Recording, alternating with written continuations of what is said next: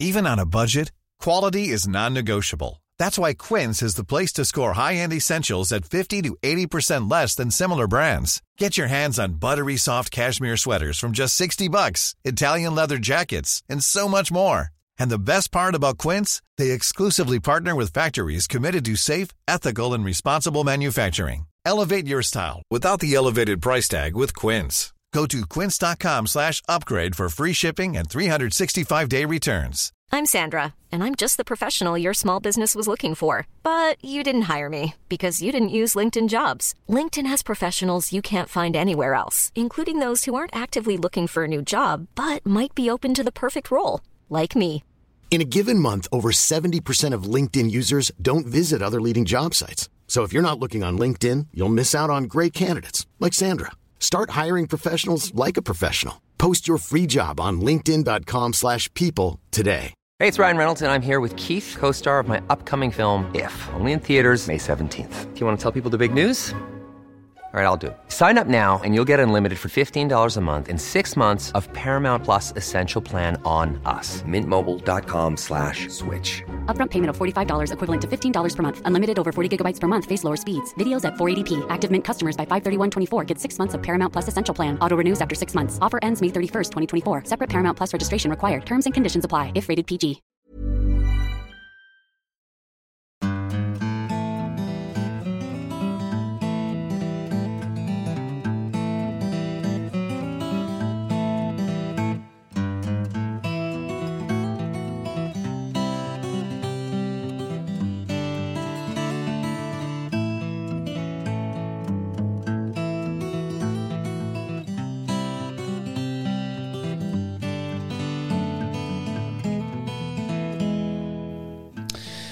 Hjertelig velkommen til din favorittpodkast Hall og knall-podden. Og i dag er det Robert og Kristine som vanlig. Bare at det har vært en liten stund siden sist. Ja. Ja, det, Det kjennes ut som det har vært en evighet siden sist. det har jo vært en evighet. Ja, det har jo det. I hvert fall tror jeg eh, de fleste av våre lyttere syns det. Og i dag kan jeg jo tease med at vi skal prate om de tre p-ene. Nei, det er ikke det du trenger når du skal ut og reise, nemlig penger, pass og pillett. Nei, det er påska, pilsing og VK-pillett. det var saker, Er det det. det som er de tre p-ene? Eh, I dag er det det. Ja, ok. Ja, ja hvordan har du det? Lenge siden sist vi har prata i lag. Ja, nei, jeg har det veldig bra. Jeg har blitt brunere siden sist. Nei, du har det veldig bra. Ja. Ja, du Ja. Og ja, sånn, ja, men man sier jo her i Nord-Norge sier man nei, jeg har det fint, eller Nei, det går nå bra. Ja. Nei, det går nå så det hyler, det. Det er rart jeg skal begynne med ja, jeg har nå det bra. Nei, det hørtes feil ut, altså. Ja, må man si sånn ja eller nei først? Nei, man trenger sikkert ikke det. Er det ikke bare å si 'jeg har det bra'? Det høres mye bedre ut enn 'nei, jeg har det bra'. Ja, ja. Men du har det bra. Jeg har det bra. Ja, blitt, så da sa jeg det uten nei. Du var til og med blitt prun. Jeg var blitt prun, ja. Ja. I påska. I båska. Ja, på fjellet. ja, nei, nå drar vi den for langt. For dere som bor eh, sør for morals moralsirkelen og ikke kjenner til eh, deler av det nordnorske språket, så er det gjerne sånn at eh, B byttes ut med P, og P byttes ut med B, og byttes ut litt sånn. Ja, men det er veldig heller unormalt. Men jeg tror det er den eldre garden, de prater litt sånt. De brater og brater. Ja. Ja, ja. Ja, to uker siden sist vi, eh, vi var her. Vi, vi måtte ta oss en litt utvida påskeferie. Ja. Eller båskeferie, da. Båskefjellsferie. Ferie. Men du hadde det bra i påska? ja, veldig fint i påska. Ja. Det ble jo fint vær, og Eh, Ja, ikke så verst. vært en del ute. Det kjennes ut som påskeferien var Altså, det er så lenge siden. Ja, det gjør faktisk det. Det er derfor jeg sier det. Det føles ut som det er evighet siden sist vi satt her. Ja, for tida føles... går så fort når man har det artig. Ja. Og du hadde det artig i påska, skjønner jeg. Jeg hadde det artig de siste to ukene, jeg. Ah, Ja. yes.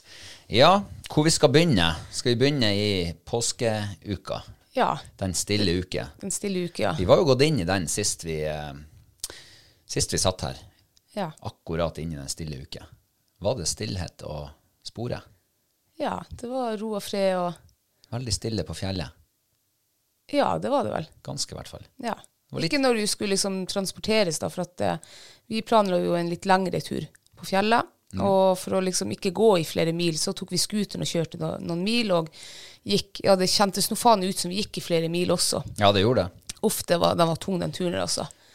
Det var jo bare snakk om Ikke si nøyaktig hvor langt det var. Ja, Vi må ikke gi folk leads her til å Nei. mellom 5 og, og eh, 50 kilometer, var det. Å gå med pulk. Mm. Og jeg kjenner jo at jeg, jeg, hva, jeg trodde ikke jeg var så dårlig trent, men, og jeg tror jo fortsatt egentlig ikke jeg er det. Men å Men gå med den pulken der det er bare å innse nederlaget, på en måte. Ja, men jeg lurer faktisk på om jeg har begynt å bli gammel. Du lurer faktisk på det. Ja, jeg tror jeg kjenner det på eh, For å dra den pulken da, vet du hva, jeg var så sliten. Når jeg var gått eh, en liten stund, så tenkte jeg at åh Og så tenk, begynte jeg å tenke på hva de sa når vi var på skolen, og sånn vi hadde gym eller et eller annet, eller, eller når vi var unge, at ja, når du føler deg sliten, så klarer du halvparten mer. Og jeg følte meg dødssliten. Og jeg, og jeg tenkte halvparten mer, det er jo faen meg enda altså, mye mer enn halvparten å gå igjen. Men jeg måtte bare tenke det hver gang jeg tenkte igjen, så tenkte jeg bare halvparten mer, og så ble jeg sliten igjen, og så halvparten mer. Så jeg tror det var ja, jeg vet ikke, det var ikke det som drev meg dit bort. da. Det var noe heller det å, å komme fram og fiske, da. Men eh, det var så tungt å dra den pulken. Ja, men eh, det, jeg, jeg tenkte jo her i sted at når du sa at du begynner å bli gammel, ja, det gjør du jo. Du er jo 30, og eh, tidens tann og den biologiske klokka, den går. Den går og går Ja, og går. Det gjør den. Så eh, på et eller annet tidspunkt så merker man det. Jeg merka det når jeg runda 40, omtrent på dagen 40. så merka jeg at pulken ble litt tyngre. Ja. Ja. Man skulle jo egentlig tro det var omvendt, altså at kvinnfolkene eldres saktere enn mannfolkene. Ja, Det får du nesten ta opp med fastlegen Men- for det har ingen peiling på. Nei, men det kan jo hende også at det er omvendt. For at Nei, for det ble feil. Jeg tenkte at for dere det Kvinnfolk lever lenger enn mannfolk. Mm. Men da Da skulle jeg ha begynt eh, mye tidligere enn i 40, Ikke sant, ja. 40 år. Da skulle jeg ha begynt eh, å gamles når jeg er 50. Ja, Men eh, jeg kan jo til ditt lille forsvar, da. Jeg kan jo ta det litt i forsvar. Jeg trenger ikke bare å angripe deg. Nei. Så, så er jo altså å gå med pulk Det er jo ikke noe du gjør hver eneste dag. Nei. Nei. Og det er jo en grunn til at de, de som skal på pulkekspedisjon over Grønland, driver og går og drar på sånne her bildekk og lastebildekk på sommerstid. Det er jo for å få i gang de der musklene som du bruker når du drar pulk. Ja, men det var, altså, det, det var ikke tungt i muskulaturen. Jeg ble litt sliten i hofta, ja, men det var ikke det. Jeg, altså, jeg var helt tom av energi når, jeg, når jeg skulle dra den pulken der, både fram og tilbake. Hadde vært bare den ene gangen, liksom, men det var begge gangene. var det. Det var så tungt. Ja. Nei, men eh, da er det alderen, da. Da Ja. slår vi oss til ro med det. Ja. Ja, Men vi kom nå fram dit. ja det Ja. gjorde vi. Og vi bare hold Jeg vil bare si en ting. Ja. Eh, jeg vil anbefale folk å gå på morgenen når man skal på sånne der turer. Ikke starte etter jobb, liksom, og så pakke bilen, og så kjøre av gårde, og så sette i marsj og sånn. Da er det jo midnatt før man kommer fram. Ja. Og vel så det, hvis man skal gå like langt som det vi gjorde. Så eh, start tidlig på morgenen. Legg deg tidlig om kvelden. Få en god natts søvn. Stå opp. Spis en skikkelig turfrokost. Egg og bacon og eh, masse gode kalorier og masse energi. Og så sette i marsj. Så kommer man fram sånn litt utpå dagen. Litt avhengig av hvor lang, langt du skal, selvfølgelig. ja, vi kom jo fram sent på kvelden, for vi gikk jo så jækla langt. Ja, og for alle som kjenner deg, så kan man skru av halvparten. Så sånn litt utpå Nei, dagen. men vi skulle jo ikke røpe hvor vi var. Nei, nei. Men, eh, Nei. ja. Eh, men eh, ellers så hadde vi ikke kunnet tatt det resonnementet. Så vi må nesten avsløre litt. Ja. Men det å komme fram sånn uh, utpå dagen mens det fortsatt er varmt i været, og det er gode lysforhold under isen og sånn her, ja, det var ikke dumt. Jeg syns det var en god måte å løse det på. Ja. Ja, fikk du fisk? Uh, ja, jeg fikk fisk. Mm.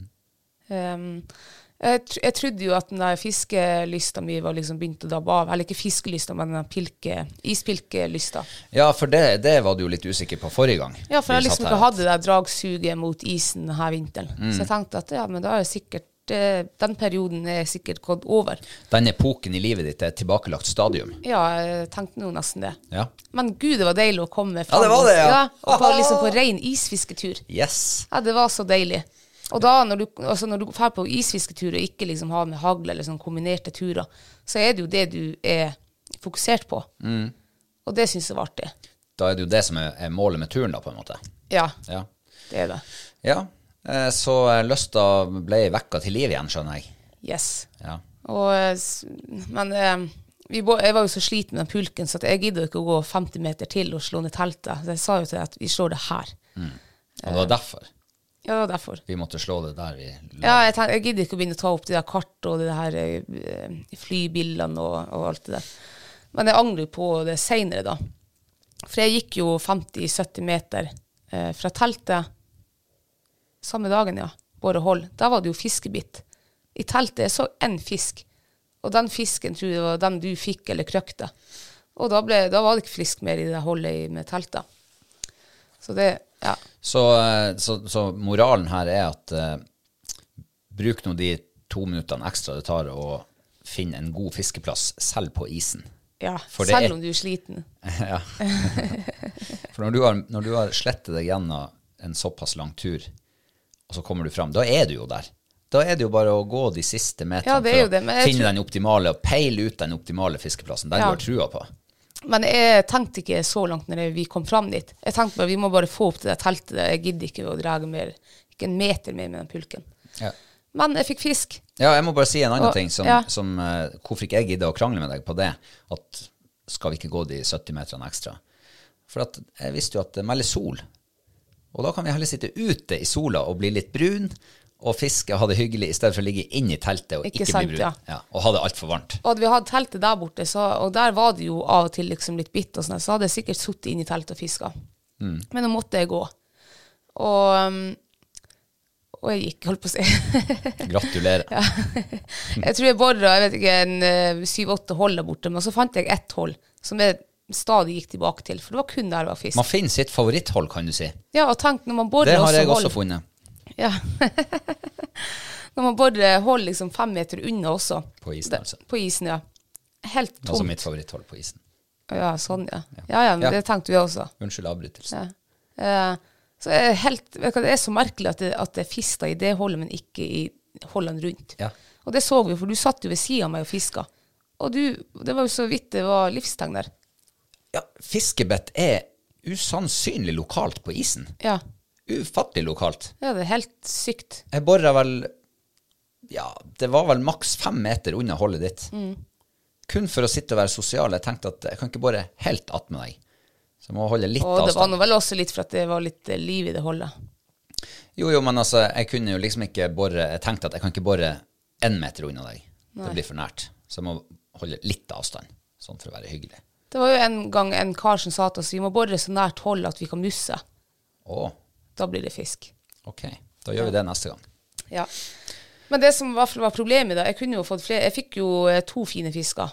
Um, jeg kunne ha fått flere, men jeg, det er jo så lenge siden jeg har sittet på isen og pilka, så jeg har mista det der liksom tilslaget og hva du skal gjøre. Uh, så når du har 40 cm vann under isen, og det røkker i, eh, i enden en av tråden, så røkker det jo tilbake. Og de første gangene, så jeg røkka jo at jeg sto jo oppreist til slutt, og eh, sluken fast i isen og ah, ja, det var ikke sånn at sluken kom opp av holdet for å røkke? Ja, flere flere ganger. Ja. Så, sånn tilslag hadde jeg. ja. Det er Og- sånn at du, du blir stukket i ryggen med en skarp, lang kniv. Ja, nesten sånn. ja. ja. Og så jeg mista jo jeg, Og den der første fisken jeg fikk, den mista jeg jo også i holdet. Og fisk, når de blir så store, eller de var ikke så store, men de var nå så store nok sånn at de ikke klarte å snu seg i holdet. Så jeg sto jo og kava der nede. Den holdt på å kjøre fisken ned under isen igjen, men jeg fikk den opp til slutt. Og da, jeg, da begynte jeg liksom å tenke det samme når du fisker sjøørret på våren. Liksom, du må tenke 'takk skal du ha' i tilslaget. Før du gjør tilslaget. Før du gjør tilslaget. Ja. Så jeg tenkte jo det også. Og så gikk det jo faen med en time eller to. Da hadde du mista den tanken før liksom den nye kom igjen og beit på. Neste bettet starta. Ja. Eh, så jeg, jeg tror jeg mista flere sånn finfisk enn jeg fikk. Men jeg fikk nå to, og det var artig. Selv om det varte jo ikke så lenge, for at de fiskene jeg fikk da, det var jo også med samme tilslag.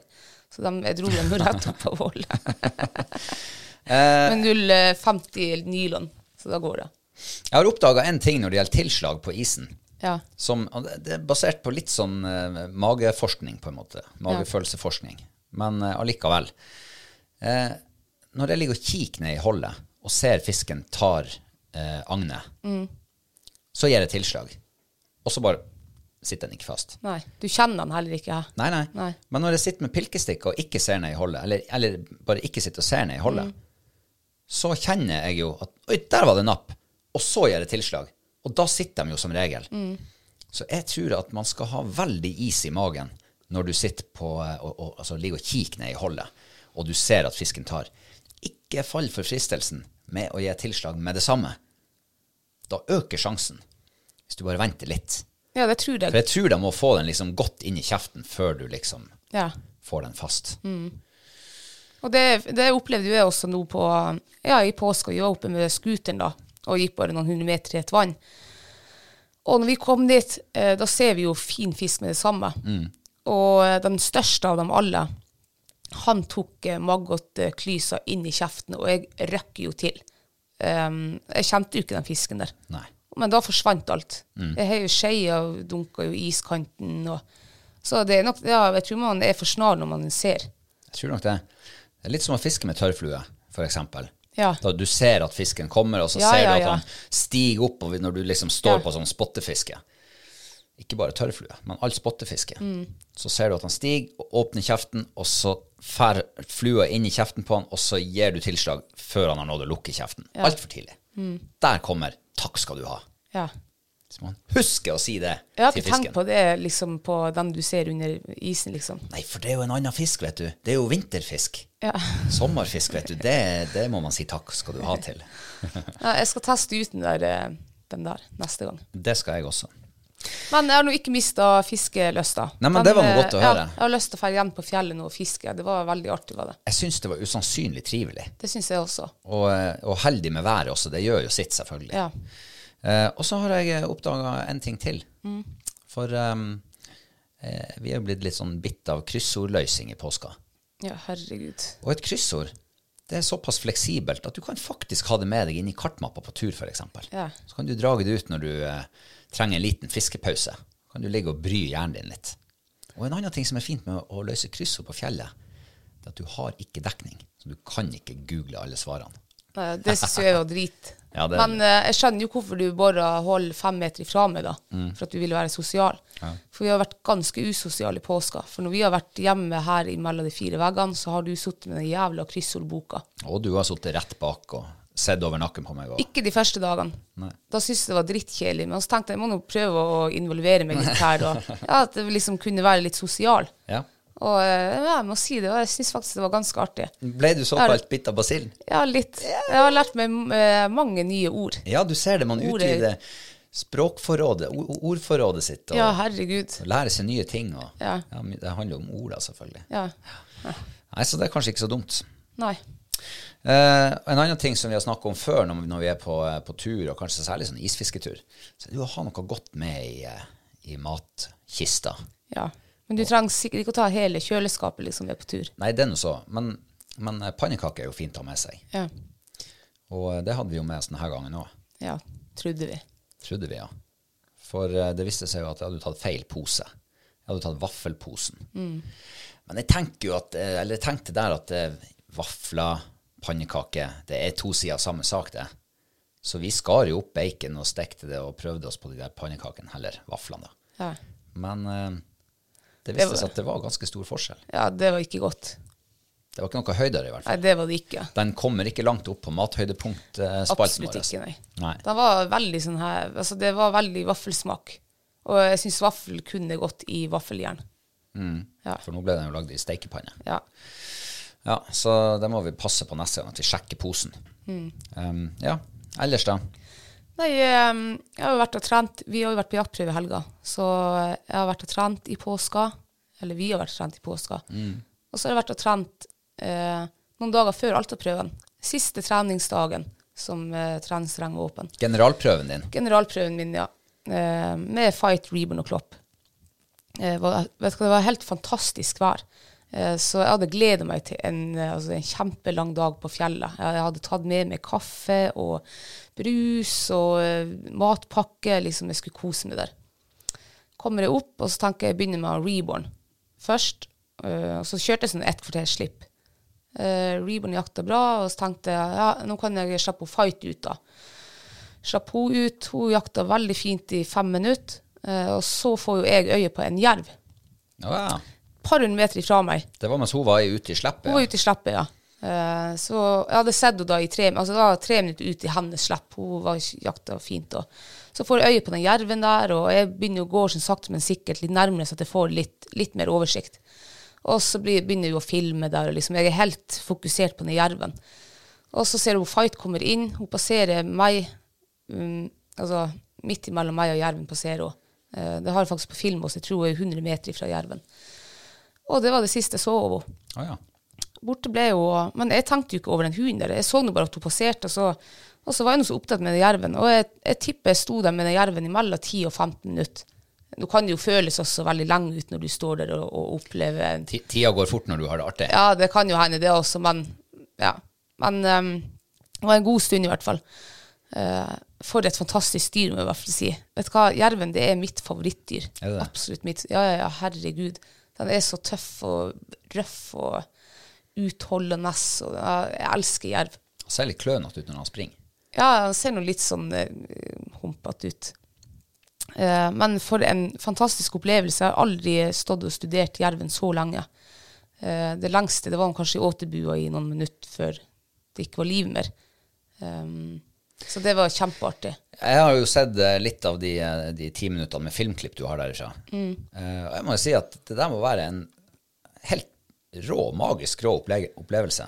Ja. Å stå såpass nært en jerv og kan studere han uten at han liksom stikker av gårde eller blir var på deg, og, Mm. men at du opplever han i sitt rette element. Sånn som han opererte den dagen. Ja. Og så Jeg har jo aldri sett jerv liksom på vinteren når det er hvitt opp på vidda. Der det er ikke noe liksom um, Det er ikke noe som er foran eller mellom deg og jerven, så jeg hadde liksom øynene på han hele tida. Observerte, og han sprang opp på en sånn der barab og, og snusa litt der, og ut av baraben grav, og det, snøfokken sto jo etter han. Sprang han ned, og så grav han der, og så Altså, han gikk att og fram der mellom barab og, og snøen, liksom der. Han leita etter et eller annet. Ja, jeg tror det. Jeg gikk jo opp dit eh, og bare kjekk. Da hadde han grovet en par plasser der oppe på en sånn 30-40 cent ned i jorda. Så jeg vet ikke om han lukta kadaver eller et eller annet nedi der.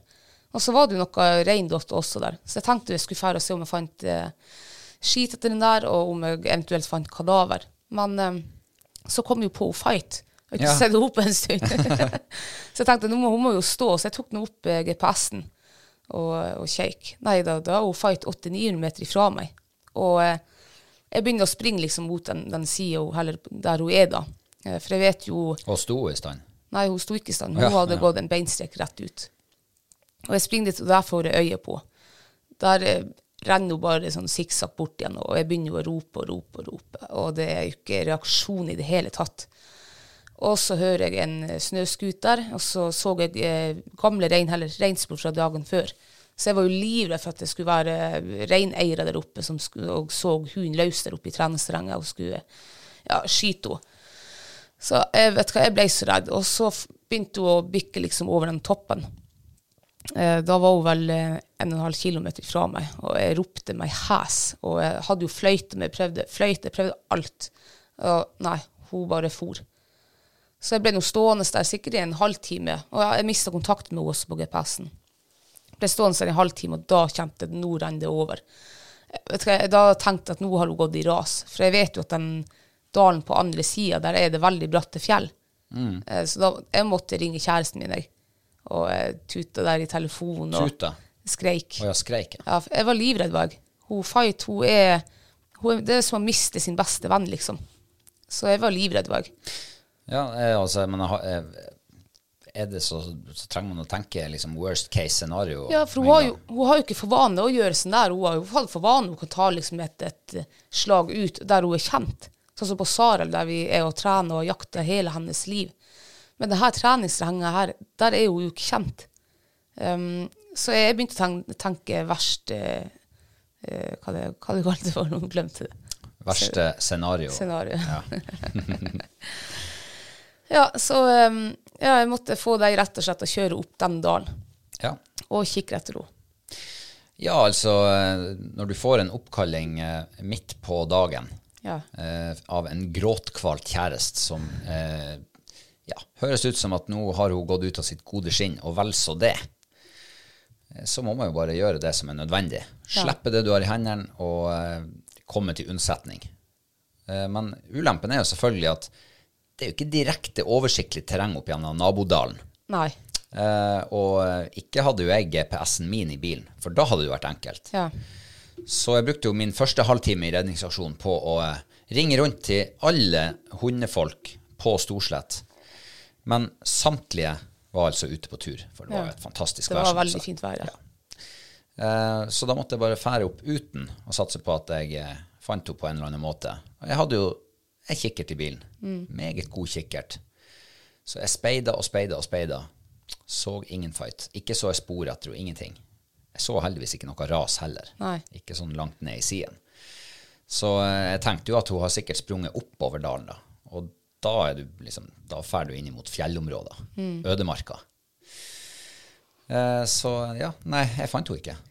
Nei, og så Vi fikk jo kontakt igjen, og grunnen for at jeg ikke for etter henne, Fight, for det kunne hun ha gjort, eh, det var for at hun ned i den della som jeg måtte krysse der, altså Det er veldig bratte fjell på alle kanter. Så at jeg, jeg liksom Jeg klarte ikke å vurdere det området, om det var eh, trygt for skred eller ikke. Eh, og så prata vi jo, du tok jo fram skredkart, og, og det var jo helt trygt. Um, så da bestemte jeg meg for å gå liksom ned og se om jeg får henne inn på GPS-en. Og hvis jeg bare kan skyte inn en liten Ja. Eh, når du nevner skredkart, Varsom Reggops, der har du kart med både skredsoner og utløpssoner. Kjempegodt hjelpemiddel som man kan bruke i sånne situasjoner, f.eks. Ja, jeg hadde jo så dårlig dekning, så jeg fikk jo ikke opp det kartet. Eh, men når jeg kom ned i den gryta, så måtte jeg riste på hodet, for det var jo ikke bratt i det hele tatt. Jeg var jo, jeg var jo sikkert en kilometer fra begge endene av, av der det kan gå skred, eller der det var skredområder. Men det ser annerledes ut når du står oppe i høyden og kikker liksom ned. Og. Så jeg fikk nå komme meg dit opp, og eh, jeg ser jo sporene drar jo bortover fjellsida, liksom nedover dalen. Um, og, ja, da, og så ser jeg jo en par kilometer unna derifra igjen. Der er det gått et stort ras. Og jeg tenkte bare herregud. Men jeg kom nå opp liksom på, på kanten der, og da fikk jeg peila henne inn. Og da satt hun, eller sto i stand, sto det på GPS-en, 900 meter ifra meg. Ja, og eh, det bildet sendte jo du til meg på telefon, Ja. hvor hun sto hen, i stand. Så da kunne jeg bare kjøre rett opp dit. Det var jo noen hundre meter fra veien, riktignok. Men eh, når jeg da stoppa og tok frem kikkerten, så ser jeg jo. Ja. Da ser jeg henne. Hun står ikke i stand. Nei. Nei. Hun sitter der og slapper av, hun. Venter på deg, tenker jeg. Ja. Eh, Så da tror jeg at hun Jeg lurer på at hun har sprunget over dit, og så plutselig har det gått opp for at shit, nå er jeg ikke helt sikker på hvor jeg er hen. Ja, eller at eh, faen, altså, jeg har ikke sett mor på lenge. Kanskje jeg må sitte og vente her på, for hun finner jo meg. Ja, kanskje det, ja. Ja. Jeg tror det er det som er jævlig dumt, egentlig, å jakte med GPS sånn, og gå etter den. For jeg har gått flere ganger i stand på 600-700 meter, og skutt fugl for dem, blant annet. Og, Ja. eh, sikkert ikke så lurt. Det der kan man sikkert diskutere til man blir grønn, Ja. eh, akkurat det der. Ehm, Men jeg tenker nå også det er en veldig stor sikkerhet. Hadde ikke jeg hatt GPS den dagen der, så hadde jeg vært altså, helt ifra meg. Jeg hadde ikke visst hvor jeg skulle lete. Skulle jeg gått opp dalen, ned dalen, skulle jeg ha kryssa den dalen. Men hun var altså borte i tre timer, og over tre kilometer lenger unna enn der jeg eh, hadde henne. Gammel kjerring, og hun skal jo være altså, hun skal være gammel og sliten. Hun skal jo ikke gidde å trykke til. Kanskje det var derfor hun ble sittende der, at hun er gammel og sliten, så hun gidder ikke å ta hele den lange veien tilbake. Det tror jeg ikke. Hun ble nok sittende der, for hun tenkte at å shit, hun kom jo på at jeg er med henne. Det er ikke hun som er med meg. Ja, ja, sånn. Ja. Så um, ja, men eh, du, prøvde, du prøvde jo å rope henne ut, men da hun kom jo ikke. Så jeg måtte ski litt nærmere. Når jeg sto på en 500-600 meter, så, så kom hun.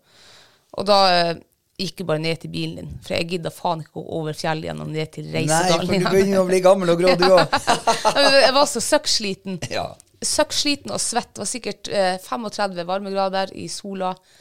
Ja, det var Da vet vi som kjenner at det var vel sånn rundt om 20, kanskje. Ja, ja. Eh, og så var jeg også så Jeg var egentlig ganske forbanna, var jeg. Eh, tenkte hun Fight hadde ødelagt hele dagen min, som jeg skulle ha på fjellet. Og min. Ja. Men jeg kunne jo ikke være forbanna på henne heller. Jeg var jo bare så glad og, og lykkelig for at uh, hun ikke var gått i skred, eller at den uh, ja. Så det ble et gledelig gjensyn. Ja, når hun kom, jeg skrøt over henne helt til hun kom inn til meg. Da sa jeg bare 'gå bak'. Og da uh, jeg hun henne halve den der dagen. Bare for å vise at jeg var veldig misfornøyd. Ja. Ja. Eh, det får meg til å tenke på en sak som jeg leste i eh, går. ja. om en eh, mann eller en familie da, som eh, tok påskeferien på hytta. Eh, og når eh, han var ute på sin første lille tur i, rundt hytta der på ski, så møtte han han hadde to hunder, så møtte han eh, en nabo, hyttenabo som også hadde en hund. Og de ble stående og prate. Og mens de står og prater der, så vikler hundene sitt, sine bånd seg inn i hverandre. Så han må liksom løsne sin hund for å få kveila opp de der båndene. Ja. Og mens han står og, og, og løser floka, så blir hunden borte. Den surrer en sånn 50-60-70 meter rundt han, og når han snur seg og skal rope den inn, så er den borte. Ja. Og han leter og leter og leter og leter etter hunden. Finner den ikke. Det går 13 dager før han finner den. Da er han og leter for n-te gang opp på fjellet. Ja. Plutselig så hopper hunden på han bakfra. Nei. Og da står den og logrer foran han akkurat som helt som før. Ingen varig men, ingenting. Nei. Eh, han bemerka at den hadde fått sommerkroppen, da.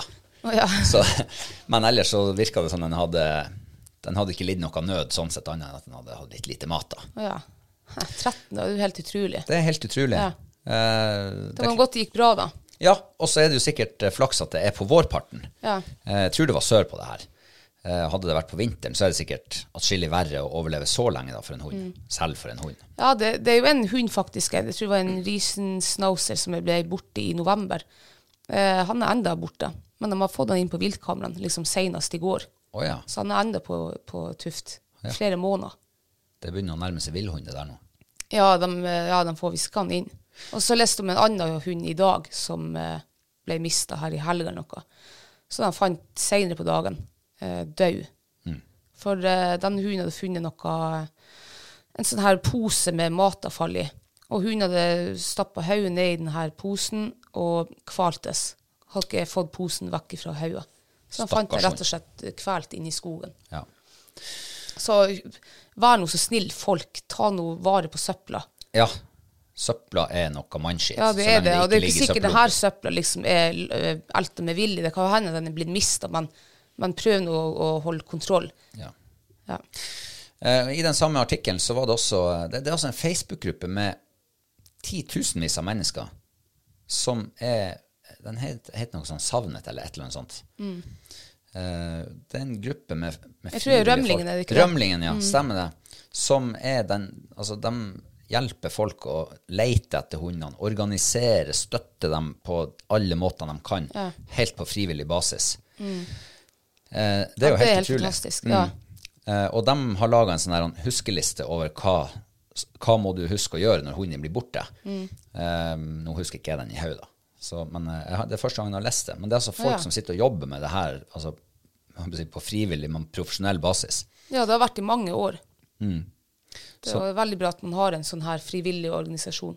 Ja, det er det. Eh, men eh, det er i hvert fall en ting som er bra, og det er at eh, hun Fight kom til rette Hun kom til rette, ja. Ja, vi må vel eh, drage oss Vi må gjøre oss ferdig med påska nå, hæ? Ja. Da har vi vært gjennom de to P-ene. Påska og pilking. Jeg syns det var pilsing i stad. Jeg valgte å ikke si det. Nei. Det var pilking. Ja, OK. Mm. Så nå skal vi inn på prøve. Ja. Eller pilletter. ja. Jaktprøvepillett. Ja. ja, for det har vært Altaprøven i helga. Det har vært Altaprøven, ja. Alta- det, det er tre år siden sist vi var der. Det er det, det. Og Alta-prøven for min del er en av de triveligste prøvene jeg er på. Det er liksom veldig sosialt. Alle, nesten alle liksom bor rundt der prøven holdes. Det er veldig fin terreng. Og så har det brutt å vært liksom greit med fugl. Ikke noe sånn wow, men, men liksom, vi har nå sett, brutt å sett fugl. liksom Ja, og vi har jo også eh, ikke hatt for vane, men det har nå hendt at vi har til og med fått premie der oppe. Ja, jeg tror det er Altaprøvene der jeg har fått mest premier i VK, i hvert fall. Det tror jeg. Ja. Eh, og det har jo slått meg nå, for at eh, prøven de måtte jo endre litt på terrengene. Fordi at Sennalandet, som har vært liksom eh, der de hva skal jeg si, beste Det har vært mye terreng der, i hvert fall, Ja. eh, tidligere. Det måtte de stenge nå pga. reinflytting. Eh, og da ble det jo brukt mange terreng opp gjennom Tverreldalen mot, eh, mot Jotka. Jeg tror ikke det var pga. rent flytting, jeg tror også det var pga. beitekrise. At Ja, de ville ikke ha folk liksom og forstyrre dem rundt der. Og det er forståelig. Ja, Ja. helt forståelig.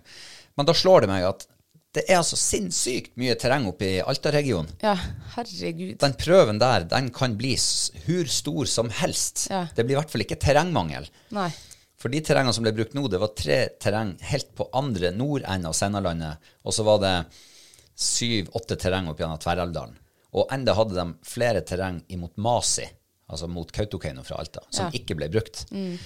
Så det der prøven der har virkelig potensial til å bli eh, ja, Norges største, Det er i hvert fall utrolig mange terreng der. Og veldig flotte terreng. Ja. Du verden, altså. Det er en drøm å gå der oppe. Ja, det er jo det.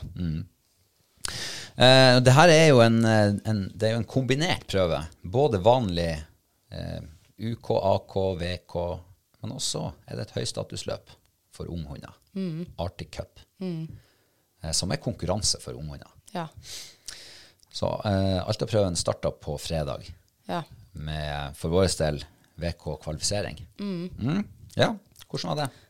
Nei, det var jo eh, Godt å være tilbake i Alta på prøve igjen. Ja, veldig, veldig artig å være tilbake til Alta. Eh, så jo føret var jo eh, Det var nå ikke det beste føret. Det var liksom sånn her Det var tungt og Ja. Eh, Det var litt råtten sne her. ja råtten. Sne. Og, og så var det jo eh, fulle parti, og så var det kun liksom For det var tre parti. Eh, det var to dagers VK, så de seks eh, Inntil seks kunne bli med videre fra hvert parti. Um, så start eh, Ja, vi gikk jo på hver vårt parti også, for å liksom øke sjansen med å få med begge hundene. Ja, ja, man må spre risikoen litt. Man må jo det, ja. Um, ja, hun Fight hun jakta kjempefint, gjorde hun. Men hun fikk seg en sjanse uh, første slippet. Ja, det betyr en minus for dem som ikke Yes. er kjent med det. Og det betyr at du havner nederst på den lista der. Uh, som er jævlig dumt å havne i når det ellers er nesten ikke fugl. For du får liksom ikke muligheten å rette det opp igjen. Ja. Uh, så vi havna ja, nederst på lista, for det var jo ikke fugler. Men vi fikk en sjanse. Så det var jævlig dumt. Um, så vi lå til som hund nummer åtte etter første runde. To plasser for langt ned. Ja, men da tenkte jeg jo, for det begynte, og føret ble enda dårligere ut på etter lunsj, liksom.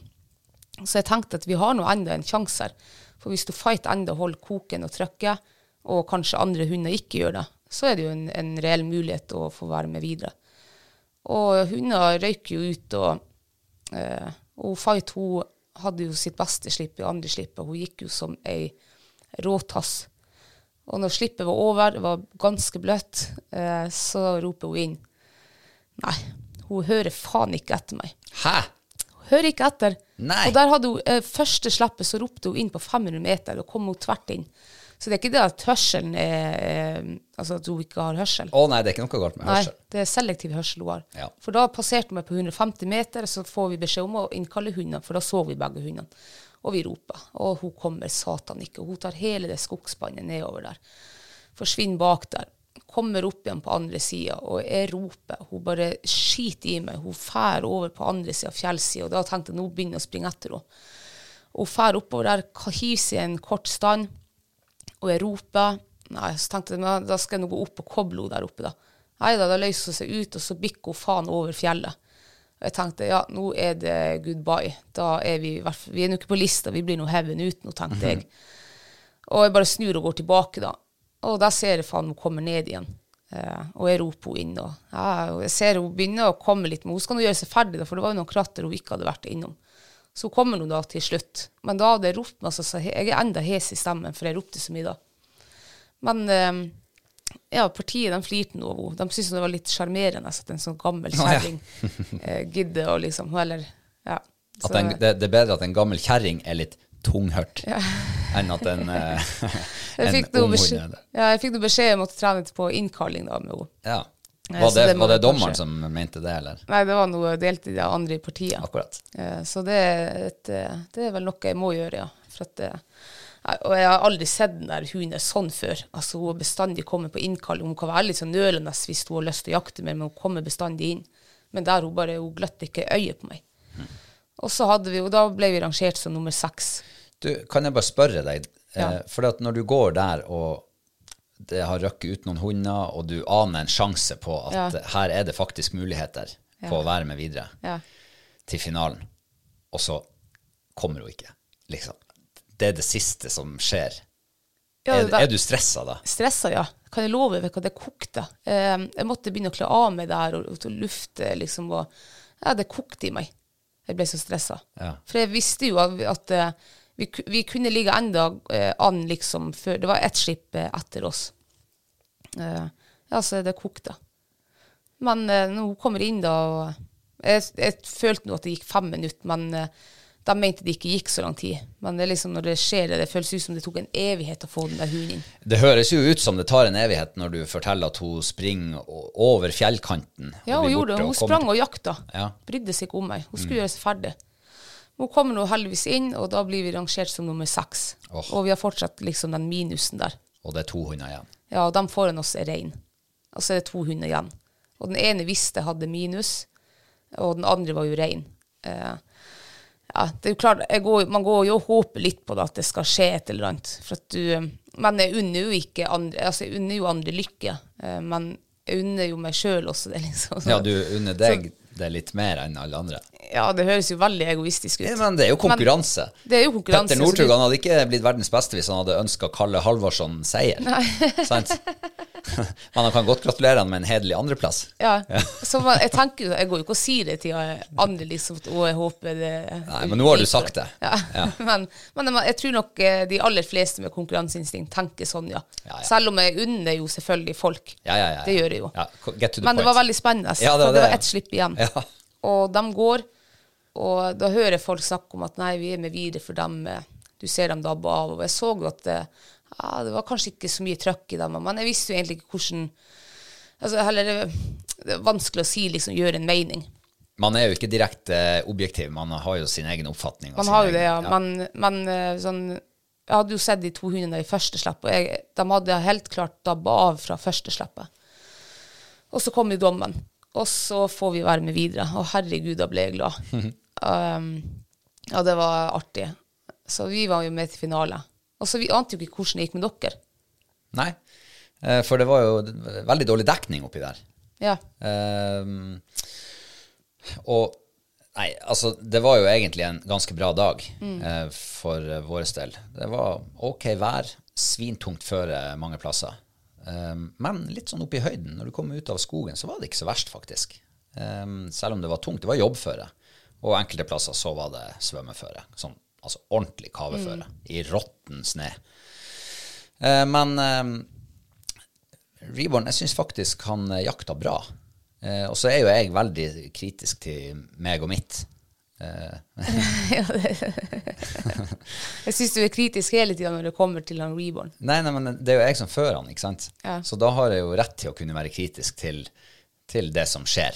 Ja. Ehm, men uh, han, er- altså, han, jo, han har jo en motor, denne gutten der, som er helt unik. Mm. Altså, det er, han, er, han er så gira til og med når han starter ut, at han bjeffer sånn idet han starter.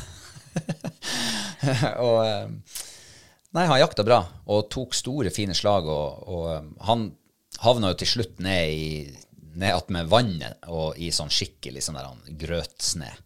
Så det, det hefta jo litt der nede. Og da tenker jo jeg at ah, det her er ikke bra. At han, at, at han bruker så lang tid der nede. Han gjør jo ikke det fordi at han vil det, han gjør det fordi at han må. Det er så tungt, for han Ja, ja. kommer seg nesten ikke fram.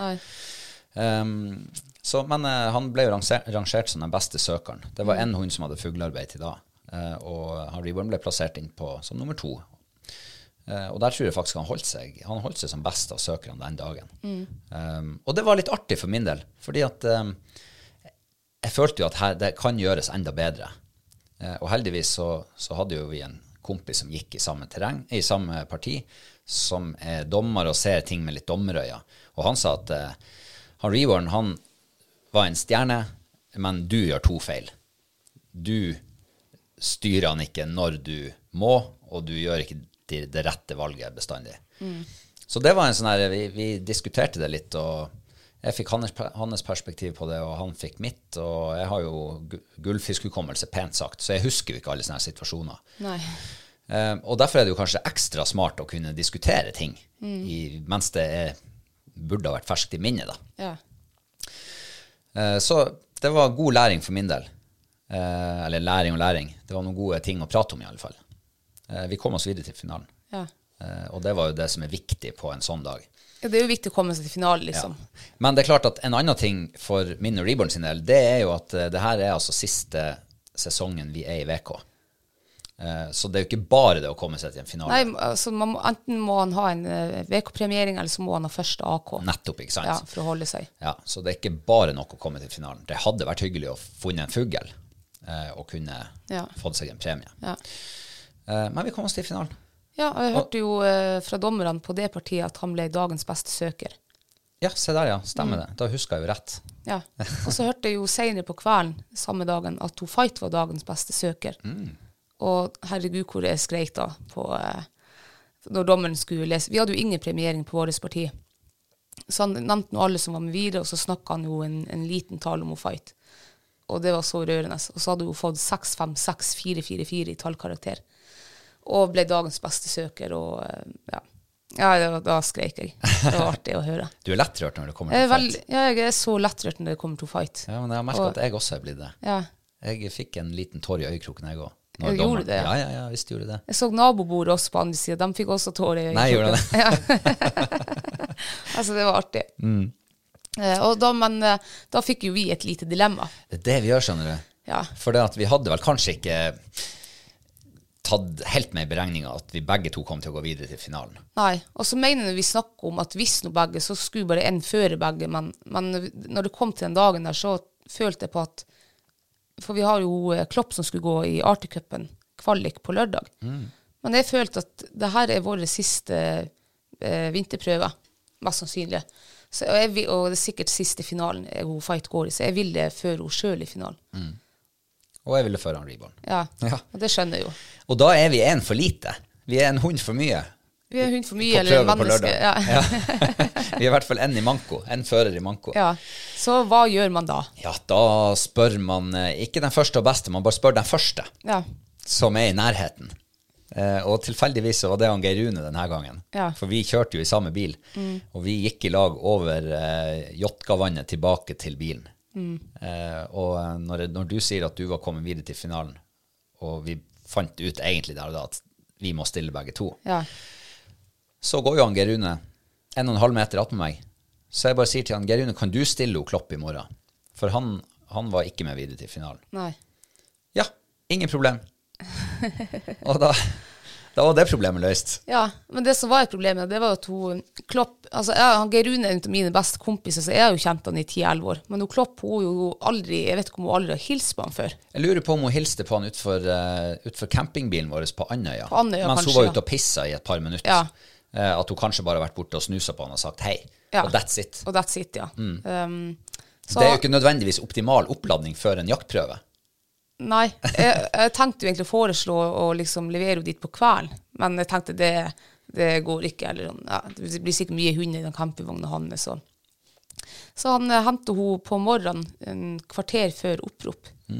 Så henta han henne Klopp. Han hentet henne bare og heiv henne inn i buret i bilen, Ja. og så for han. Ja, så, for han, så tok han henne fram opp på fjellet, så der fikk de sagt hei, liksom. Eh, Men eh, det som er da så eh, imponerende over den der unghunden der, det er at hun er jo så fryktelig tillitsfull og glad i alle mennesker. Og, og det, også sin første jaktprøve så heiv hun med en fremmed fører, for hun har aldri sett ham før. Nei, men da klar- fikk hun jo lang tid å bli kjent med han. Vi leverte jo henne på fredagskvelden. Ja, da Og, fikk hun jo faktisk tolv timer å bli kjent med mannen. Ja, ikke sant?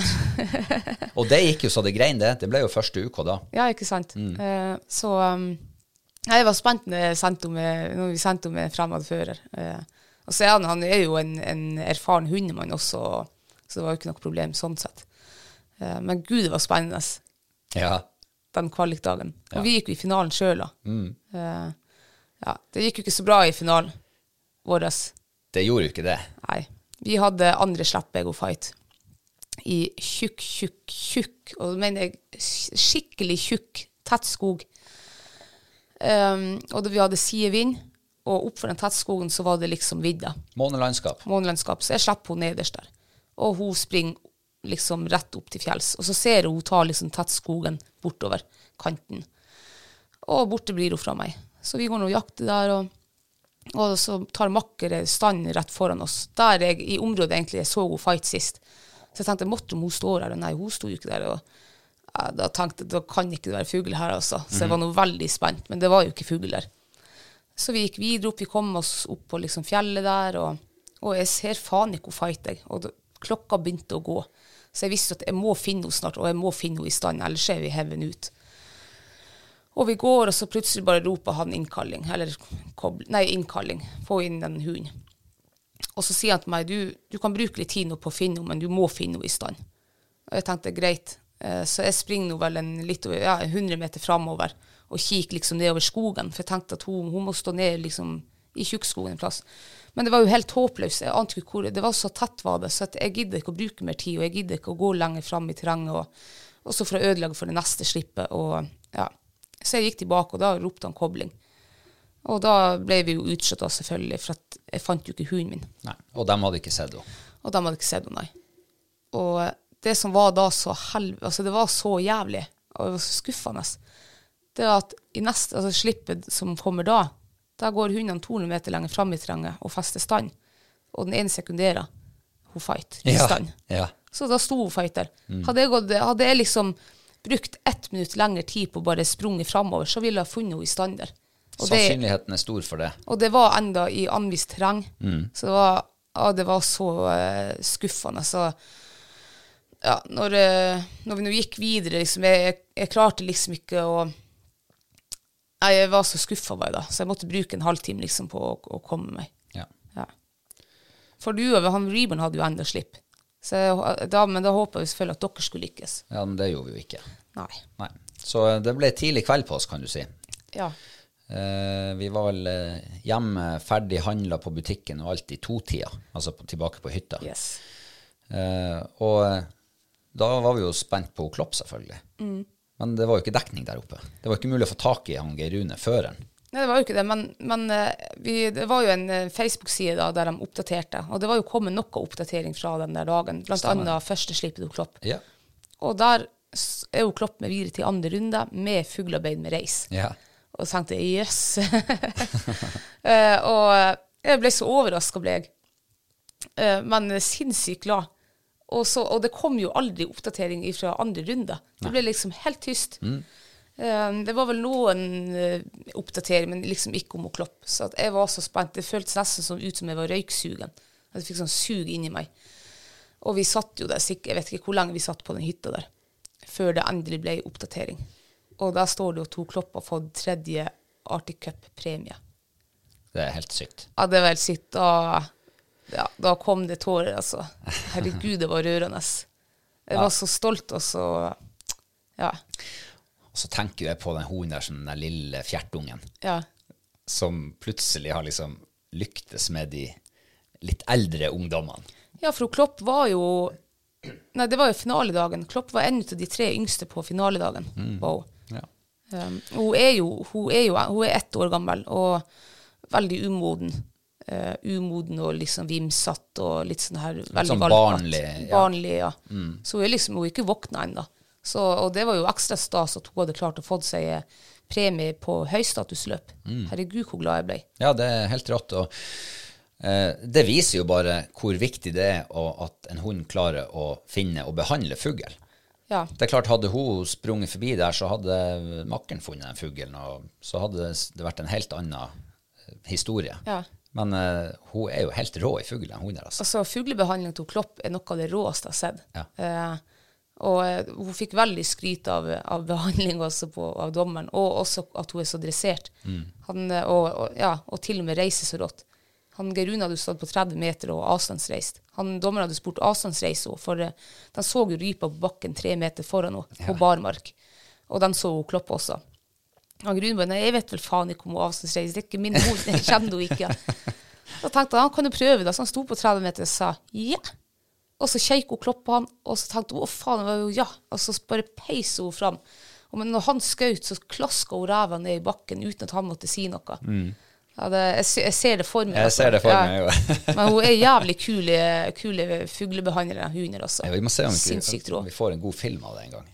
Du har det kanskje? Jeg har, ja, her, jeg har flere gode filmer. Ja, men jeg, eh, kan ikke vi legge ut en liten filmsnutt på Facebook-sida vår? Det hadde vært artig, så, Mm. Det kan vi gjøre. så skjønner folk hva, hva du prater om nå. Ja. Uh, ja, nei, det, det, det var en eh, kjempeopptur på lørdagen, på tross av at vi var blitt kasta ut av VK-finalen, Ja. så var det en uh, veldig, veldig, veldig fint plaster på såret. Det var, altså, ja, Det må det, var det beste, egentlig, som eh, Var det noen som skulle få premie i dag, og så var det noe Hello Klopp. Eller ja, eller Reborn. Eller Reborn. Reborn, ja. Ja, ja. Så, men det var Jeg ble så glad, ble jeg. Ja, det var stas. Og da kom jo søndagen. Ja. Og da syntes jo eh, min partner in crime at det var eh, på sin plass at jeg skulle stille opp i finalen, siden jeg hadde trent henne. Absolutt. Og det syntes jeg var hyggelig. Ja, men det skulle nesten bare mangle. Ja, det skulle nå egentlig ikke det. Um, vi sa jo, et, sa jo tidligere til deg at du kunne stille henne i Artcupen siden du aldri har gått på det før. Ja. Jeg, har jo, jeg har jo vært handler på Arctic Cup en gang. Ja, det har du vært, ja.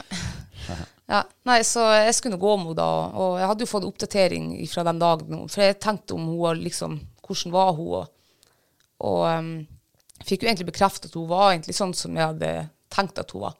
Litt sånn her, ja, kunne hatt litt større format, og kunne vært litt mer sånn guts i henne. Men at hun jakta fint. Uh, men jeg tenkte at vi har jo, en, vi har jo like stor sjanse som alle andre hunder liksom i finalen. Um, men det som var da, når vi, vi hadde siste slippet uh, Og vet Gud, jesu fader, altså for noen rå eh, unghunder. Altså, det var som å gå i et VK-parti med VK-hunder. Ja. Det var altså så høyt nivå på de unghundene der.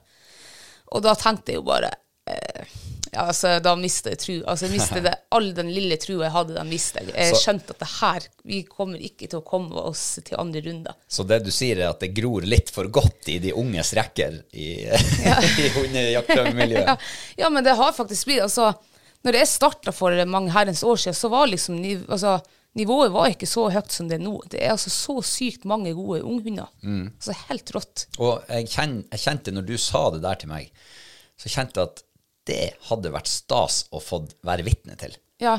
For det, da jeg gikk i Arctic Cup-finalen som handler for noen år siden, så kan jeg ikke huske at jeg syntes det var så fantastisk bra nivå. Nei, det var ikke, men det her, altså, denne finalen her, det var altså så sykt mange gode søkere.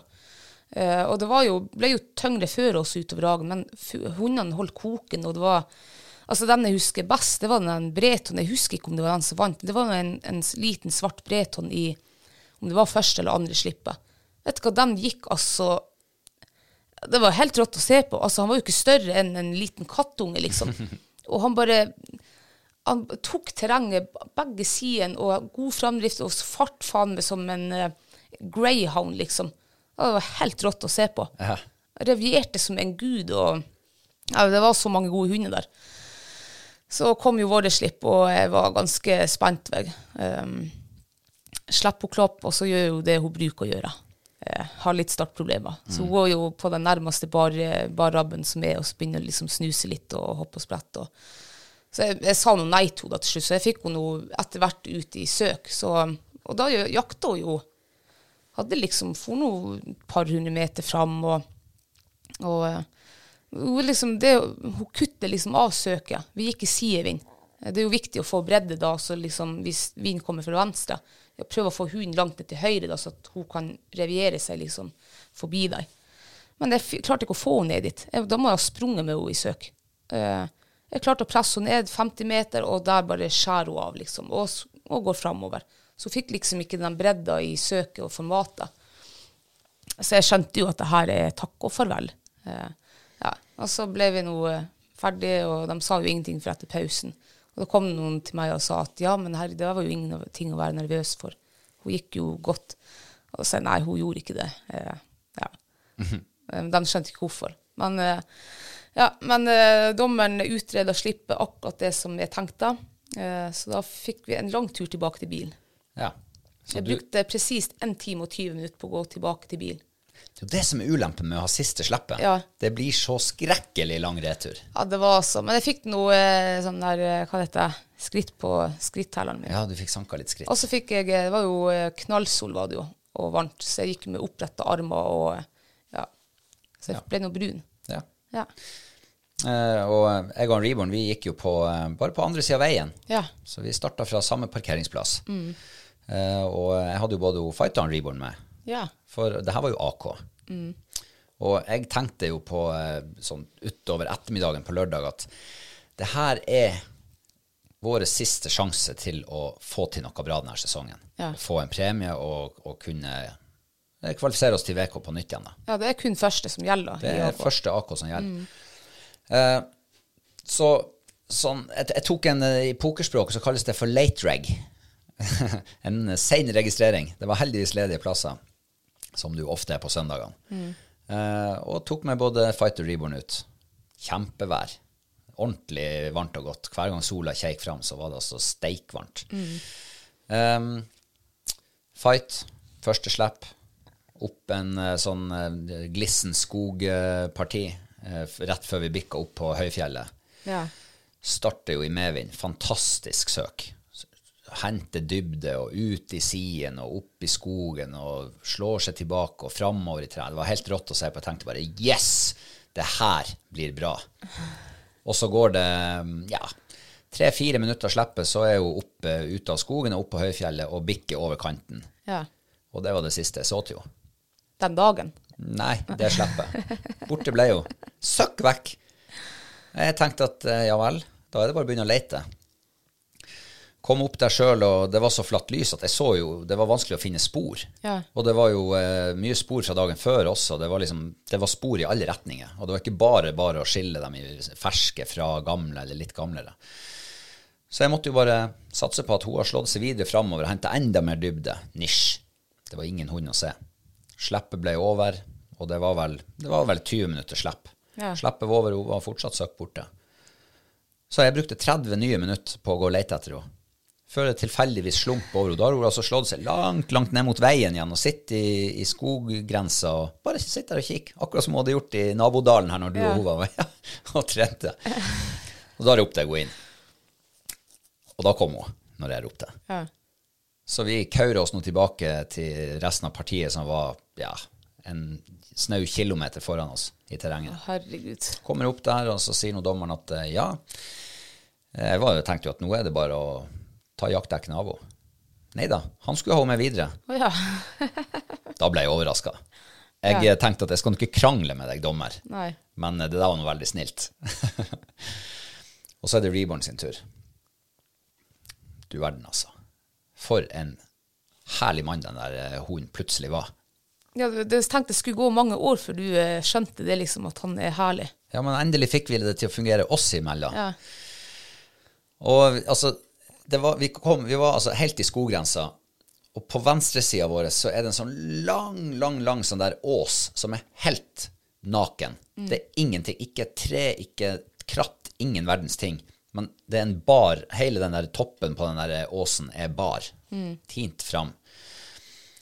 Og han starter og springer beint ut i sidevind. Følger hele åsen og blir borte. Og den andre hunden tok, heiv seg ned i skogen i den der djup rottensneen. Og det er klart at da er jo han Reborn av gårdekåret eh, langt, langt foran den andre hunden. Og dommeren sa enda til meg, når han, i det han bikka over kanten og ble borte for oss 300 meter lenger fram Ja, det var vel kanskje det siste vi så av han i dag. For han hadde altså sånn fart, den gutten her. Altså, jeg har ikke sett på maken. Ja, sa jeg, det kan jo godt hende. Og så går vi nå framover der, og jeg begynner nå å bli litt sånn bekymra og speide når vi hadde veldig god oversikt. Så speide nedover skogen. Og, når kommer han liksom tråklende tilbake igjen av skogen? Nei, så han ikke. Plutselig, neste gang liksom kikker utover den der store sletta der, der står han i stand. Ut på en myr. Ja. Og foran han er det sånn spredd skog. Og jeg melder stand, og vi må liksom leite oss en vei ned der, og han står, og han står, og han står. Vi står alle oppå der og ser. Han bare står i en sånn, sånn kunstnerisk stand. Det er helt rått å se. Sånn som du ser på sånn maleri av Ja, fuglehunder. og- Høyt hode og fram med brystkassa og liksom sånn skikkelig sånn Ja. stolt stand. Og kommer fram til han omsider. Han har sikkert stått i ti minutter Ja. minst. Eh, så sitter en rype i et tre foran han, to meter over bakken. Og ut på myra der er det altså så råtten snø. Så vi begynner å reise. Han reiser kontrollert, og jeg følger kontrollert på etter, og, vi, og den rypa bare sitter. Sitt og sitt og sitt. Vi er to meter unna den. Jeg kødder ikke. Folk som kjenner meg, vet at jeg overdriver aldri. to meter ifra den. Jeg kunne ha skutt den med knallpistolen. Så lett er den. Ja. Og jeg skyter, og han er rolig. Og da får vi godkjent fuglearbeid med reis. For en start på dagen! Ja. Altså, jeg var så letta. Det var sånn bare sånn Yes! Eh, og jeg tenkte at med det der, den farta han har i dag, det er ingen hunder som kommer til å holde følge med. Han kommer til å, ta terrenget og Men du tenker sånn VK når du går i AK? Ja, ja, ja, ja men han, jeg vil jo ikke at han skal bli slått i fugl. Liksom, for det er jo minus. Ja, ja. Så jeg tenker jo VK, selv, selv om du går med lave skuldre allikevel. Lavere skuldre, i hvert fall. Eh, og fortsette, og han, jeg skal ha han fram i terrenget, fortsatt sidevind. Nei, han slår seg ned i skogen og litt sånn bakover, og jeg begynner å kauke etter han. Og jeg ser jo han forsvinner liksom mer og mer bort i skogen, og plutselig så ser jeg, «Oi, der står han jo i ro.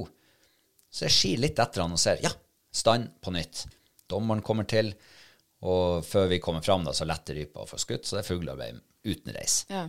Da har han to fuglearbeid på første slippet, og enda var vi ikke ferdig. Nei. Det ble et langt slipp, 30 minutter gikk vi. Ja. Og sånn der fortsetter han hele dagen. Han jakta som en gud. Ja. Det var helt utrolig, og alt stemte, liksom. Det var ikke sånn at han ble egenrådig og Nei, det var, det var utrolig artig. Så han, han fikk seg enda et fuglearbeid. Tre fuglearbeid den dagen.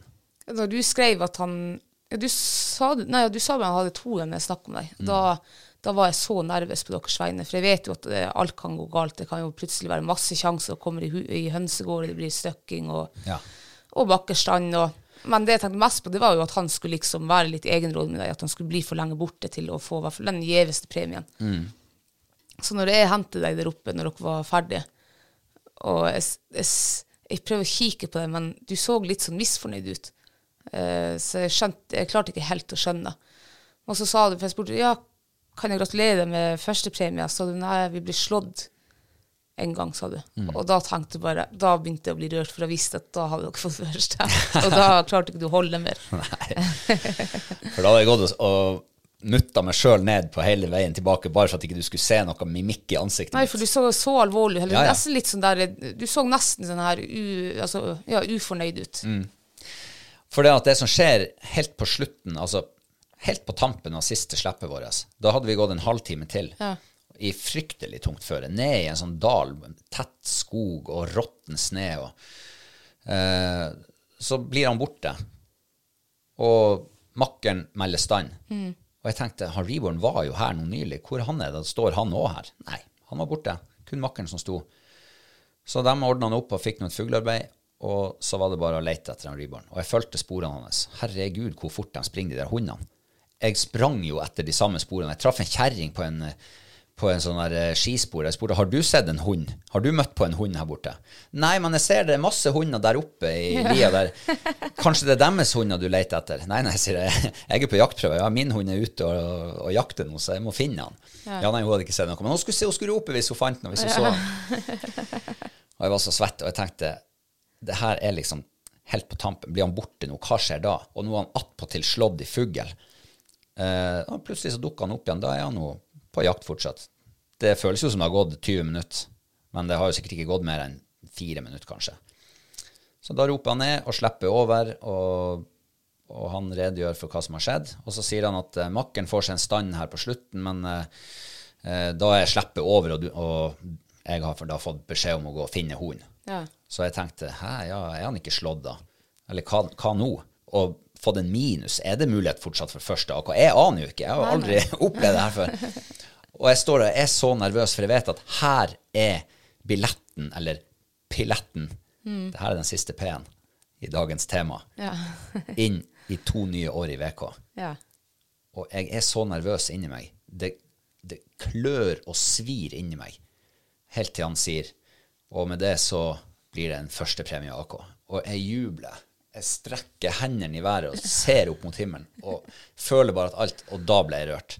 Skreit du da? Da kom det noen tårer. Jeg måtte bare ta solbrillene på meg. Eh, Og jeg klarte ikke å si det. Jeg måtte samle meg ordentlig der før jeg kunne takke dommeren og gratulere han andre som også fikk Han fikk en tredjepremie. Ja. Og eh, nei, det var, eh, og det var en sånn, sånn lettelse som bare slapp av alle skuldrene. Det har gått og stressa meg i hele vinter Ja. på de her jaktprøvene jeg har vært på. Åh, det var lettelse. ja.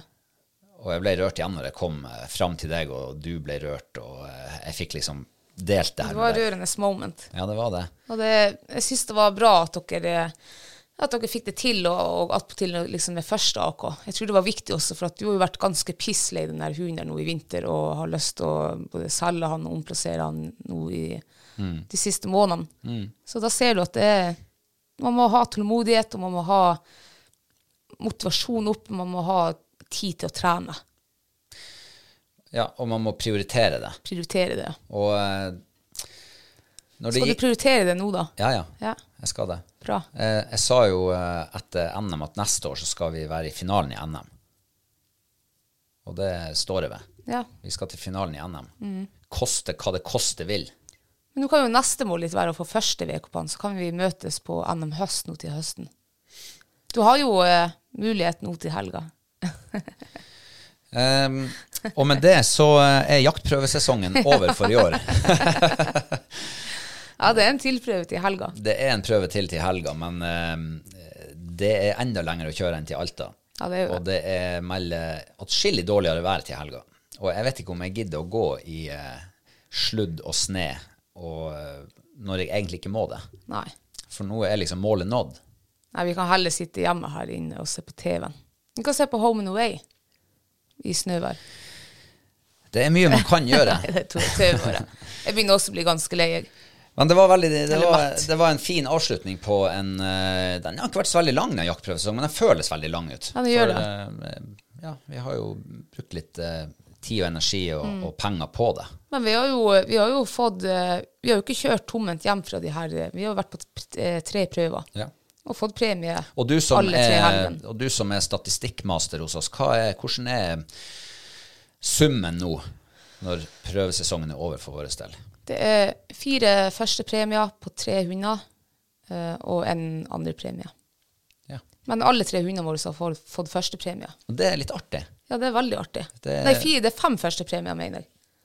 Fem første premier og en andre. Ja. Og eh, den tredje eh, Arctic Cup-premien til, til Klopp, det er som en første UK. ja. Ja.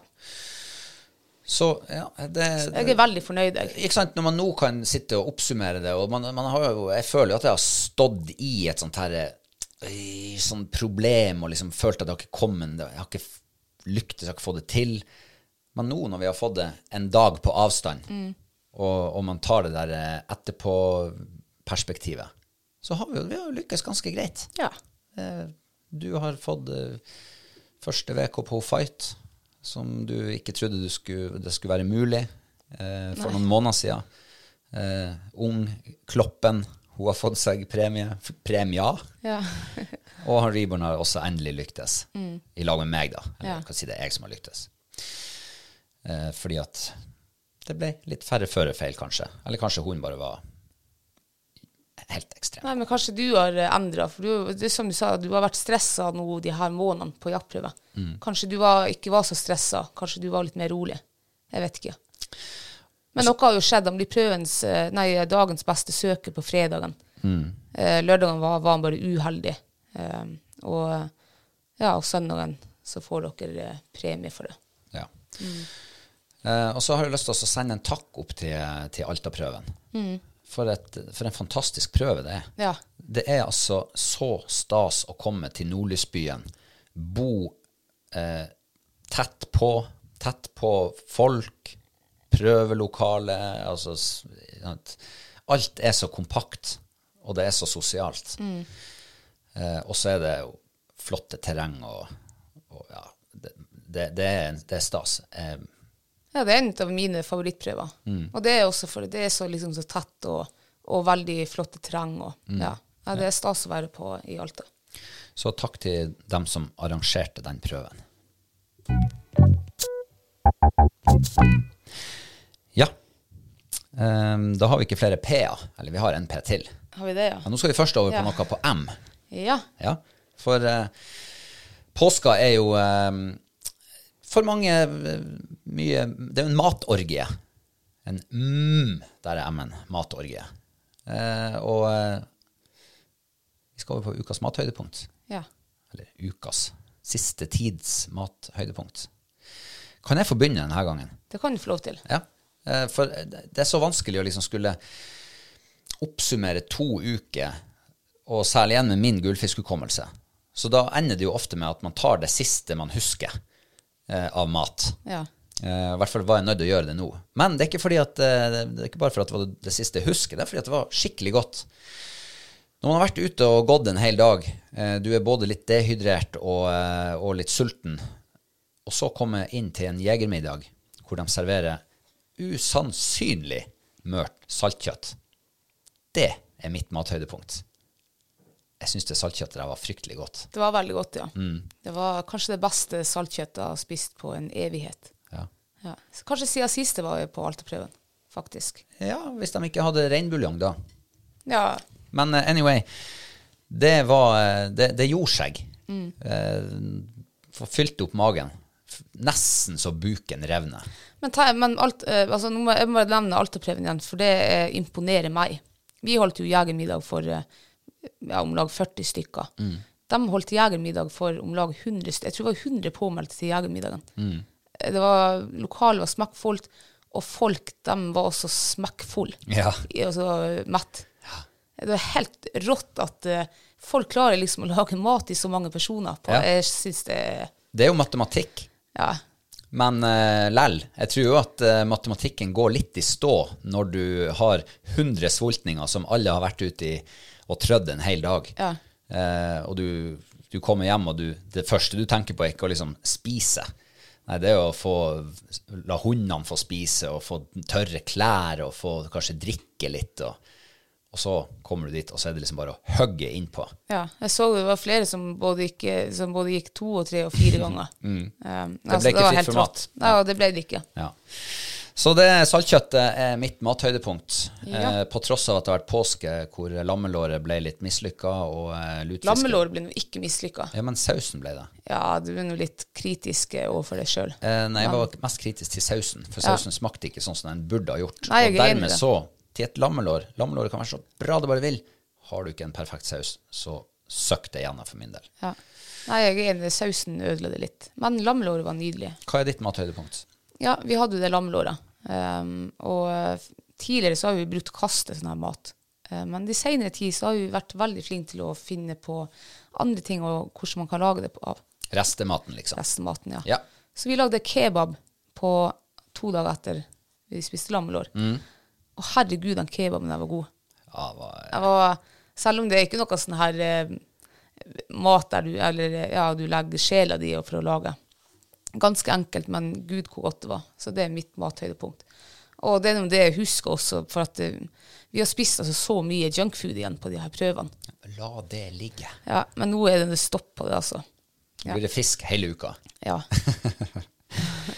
Um, ja, det, ja, den var faktisk uh, veldig, veldig, veldig god, den kebaben. Og uh, jeg tror mye av det som eh, gjorde det, det var jo selvfølgelig at lammekjøttet var jo veldig godt og veldig mørt og saftig. Men den der kebabdressingen, den gjorde virkelig kebabsmak. Ja. Og den, den, ja, den, to, den gjorde det vi ikke fikk til dagen før når vi prøvde å lage kebab. Men da lagde du ikke kebab, da lagde du sånn bare wraps. Ja. Men uh, den her kebabsausen eh, det var pizzakebab. Ja, det var det det var, ja. Det, var derfor den var så god, tror jeg. For vi har kjøpt sånn kebabsaus før, men den har ikke vært noe ja. ja. Så pizza og kebab, folkens, det anbefaler jeg. Eh, vi har faktisk en P til. Ja. Ja. Um, og det heter Patrons. Ja. For vi har fått noen nye patrons. Og en, en ting som er litt artig, det er at eh, nå begynner vi virkelig å nevne, eh, nærme oss målet vårt på 100 patrons. Og da kanskje vi faktisk Kanskje det er en mulighet til at vi kan sende ut denne fiskestanga eh, til en av dem. Ja. Det hadde vært eh, Nå mangler vi bare sånn rett i overkant av 30. Det er ikke så mange. Nei. Kanskje er det mulig å få det til før fiskesesongen er over. Det hadde vært artig. Um, ja, uh, hvor mange har vi i dag som vi skal ønske velkommen? Vi har vel uh, Er det to? To stykker, ja. To stykker, ja. Vi har han eh, Vegard Engan, Det har som, vi. som sitter på en fjelltopp. Ja, der er sånn Varde til og med. Det er Vardø der, altså. Det er flere topper bak der, så jeg tipper jo han er i Nord-Norge en plass. Ja, eller så er han i Romsdalen. Eller Sunnmørsalpene. Eller eh, Ja, selvfølgelig kan jo hende. De men der har de litt mer sånn her Her ser det litt mer som Det ser ut som det er nordnorske fjell. Eh, jeg har De hørt- er veldig spisse, de der fjellene. Ja, De det syns jeg ikke. Er de det? Det var noe litt sånn der sukkertopper. Ja, spissa allikevel. Ja, hvor du tror han eh, Vegard eh, er fra? Jeg vet jo om en Engan. Jeg tror i hvert fall det var det han het. En, en, um, en jeg solgte kvalp til for gud vet hvor mange år siden. Det var før hun fight. Han var fra Harstad, tror jeg. Der i området. Ah, ja, ja, ja. Du har jo både Senja og Harstad og Grytøya og der, Grytøya var jo masse fjell på. Ja. Så jeg, jeg lurer på om jeg, jeg havner liksom i de områdene. Lofoten er masse fjell. Ja, det er jo det. Uh, jeg, men jeg sier Harstad. Engan er ikke det. Det er, det er ikke så vanlig i etternavn, er det? Ja, det er ikke uvanlig. Og det er ikke det, nei. Ja, men jeg, jeg, da sier jeg Senja. Ikke så langt fra Senja til Harstad, nei, det er ikke det. bare over fjorden. Eh, du sier Senja, ja? Ja. Ja.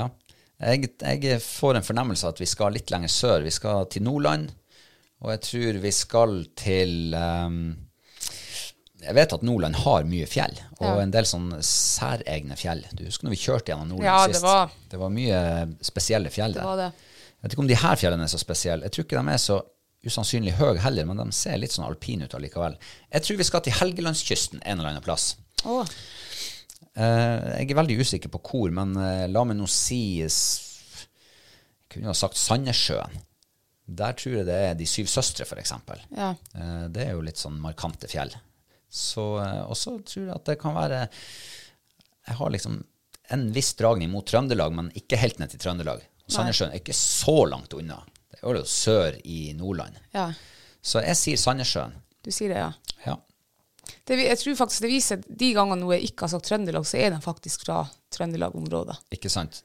Så Men, eh, jeg skulle men- egentlig ha sagt det, men jeg sier Senja. Ja, for du har jo en sjanse til til å ta Trøndelag, og det er jo han Andreas Rønning. Rønning, ja. Ja. Eh, han tror jeg faktisk er trønder. Tror du det? Jeg, eh, jeg tenker Eldar Rønning. Han er jo trønder, og han er jo skiløper. Ja, Harald Rønning, han er jo ikke det. Han er jo østlending. Harald Rønneberg. Ja. Rønneberg den heter for faen, ja. Det er noe ja, annet. Okay. det. Nei, da, Jeg tror ikke de er i slekt. Nei. Kan være de er like artige. Nei, det var Rønneberg, ja. Herregud. Eh, og så eh, Jeg tror jeg syns han ser litt sånn solbrun ut. Kanskje han faktisk er skiløper. Eller i hvert fall kanskje sånn eh, topptur eh, Eller kanskje jaktprøvemann. Ja. Han ser nå godt trent ut, i hvert fall. Mm. Det gjør han, så jeg tror han i hvert fall eh, holder seg i form. Og hvis han er idrettsutøver, kanskje til og med langrennsløper, Ja. så tror jeg han er fra Trøndelag. ja, det tror jeg også, for der er det veldig mange gode skiløp skiløpere. Ja, det er det. Ja. Så jeg sier Trøndelag. Må jeg være mer spesifikk enn det? Ja. Det må jeg. Ja, hvis, ja, det må du være. Mm. Trøndelag er jo stort. Da sier jeg ehm, Kan du gjette litt imens? Jeg må komme tilbake. Um, skal vi se, Rønning eh, Nå vet du ikke om noen som heter Rønning, men jeg fikk litt, som, jeg fikk litt sånn her Midt-Trøndelag, eh, Levanger-området der vi var. Um, ja. Jeg sier, hva er noe annet som er rundt Levanger der? Ja, du har jo Steinkjer og Steinkjer, sier jeg. Du sier Steinkjer, ja. Ja. Da, da tror jeg faktisk vi havner i Trøndelag eh, for første gang, begge to, Ja. samtidig.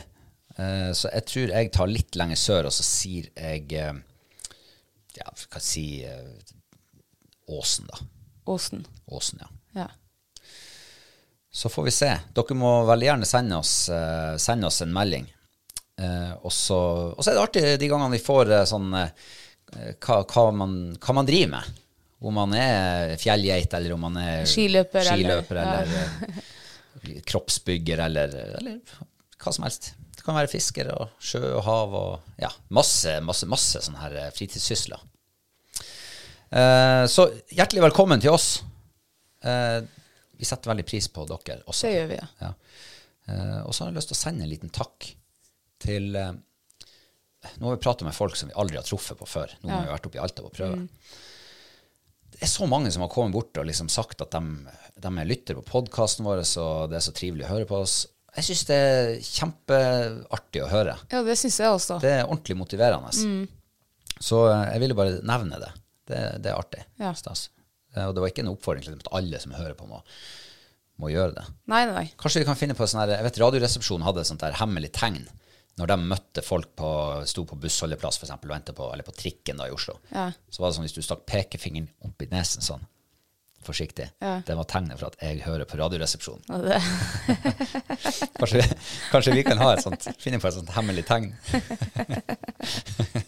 så hvis det er noen som har en bra idé, så ja, hvordan tegn det skulle være. ja, hvilket tegn det kan være. Jeg vet ikke om jeg vil gå med fingeren i nesen. Og, og det var sånn, når en, når en lytter putta fingeren i nesen, så tok Radioresepsjonen igjen og liksom kvitterte med sin finger i nesen. Ja. Så det må være en sånn melding med Det var sånn kvittering. gjensidig- Gjensidig, ja. ja.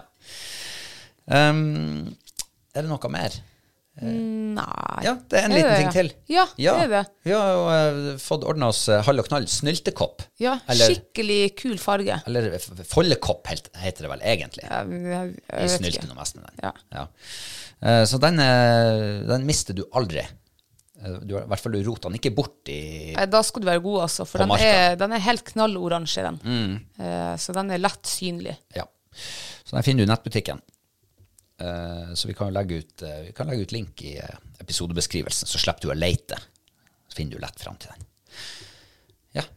Ja. Nå ser du så flirfull ut. Hva er det for noe? Nei, det ingenting. Ingenting. da tror jeg vi sier at vi er ferdige for i dag. Ja. Og så eh, lover vi at det skal ikke gå 14 dager til neste gang vi er Nei, på lufta igjen. Så eh, takk for at du har eh, hengt med oss i dag, og for at vi har fått lufta hjertet vårt til deg. Ja, det ble ganske mye, det. Altfor mye. Ja. Vi høres om en uke. Ha det. Tjo og hei.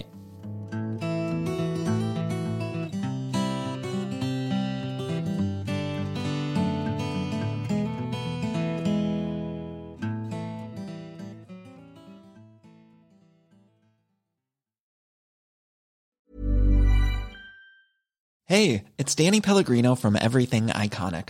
Ready to upgrade your style game without blowing your budget? Check out Quince. They've got all the good stuff shirts and polos, activewear, and fine leather goods, all at 50 to 80% less than other high end brands. And the best part?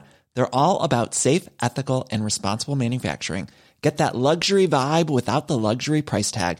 Hit up quince.com slash upgrade for free shipping and 365 day returns on your next order. That's quince.com slash upgrade. Hold up. What was that? Boring. No flavor. That was as bad as those leftovers you ate all week. Kiki Palmer here, and it's time to say hello to something fresh and guilt-free. Hello Fresh. Jazz up dinner with pecan-crusted chicken or garlic butter shrimp scampi. Now that's music to my mouth. Hello Fresh. Let's get this dinner party started. Discover all the delicious possibilities at hellofresh.com. Imagine the softest sheets you've ever felt. Now imagine them getting even softer over time. That's what you'll feel with Bowl and Branch's organic cotton sheets. In a recent customer survey, 96% replied that Bowl and Branch sheets get softer with every wash. Start getting your best night's sleep in these sheets that get softer and softer for years to come. Try their sheets with a 30-night guarantee. Plus, get 15% off your first order at bowlandbranch.com. Code BUTTERY. Exclusions apply. See site for details.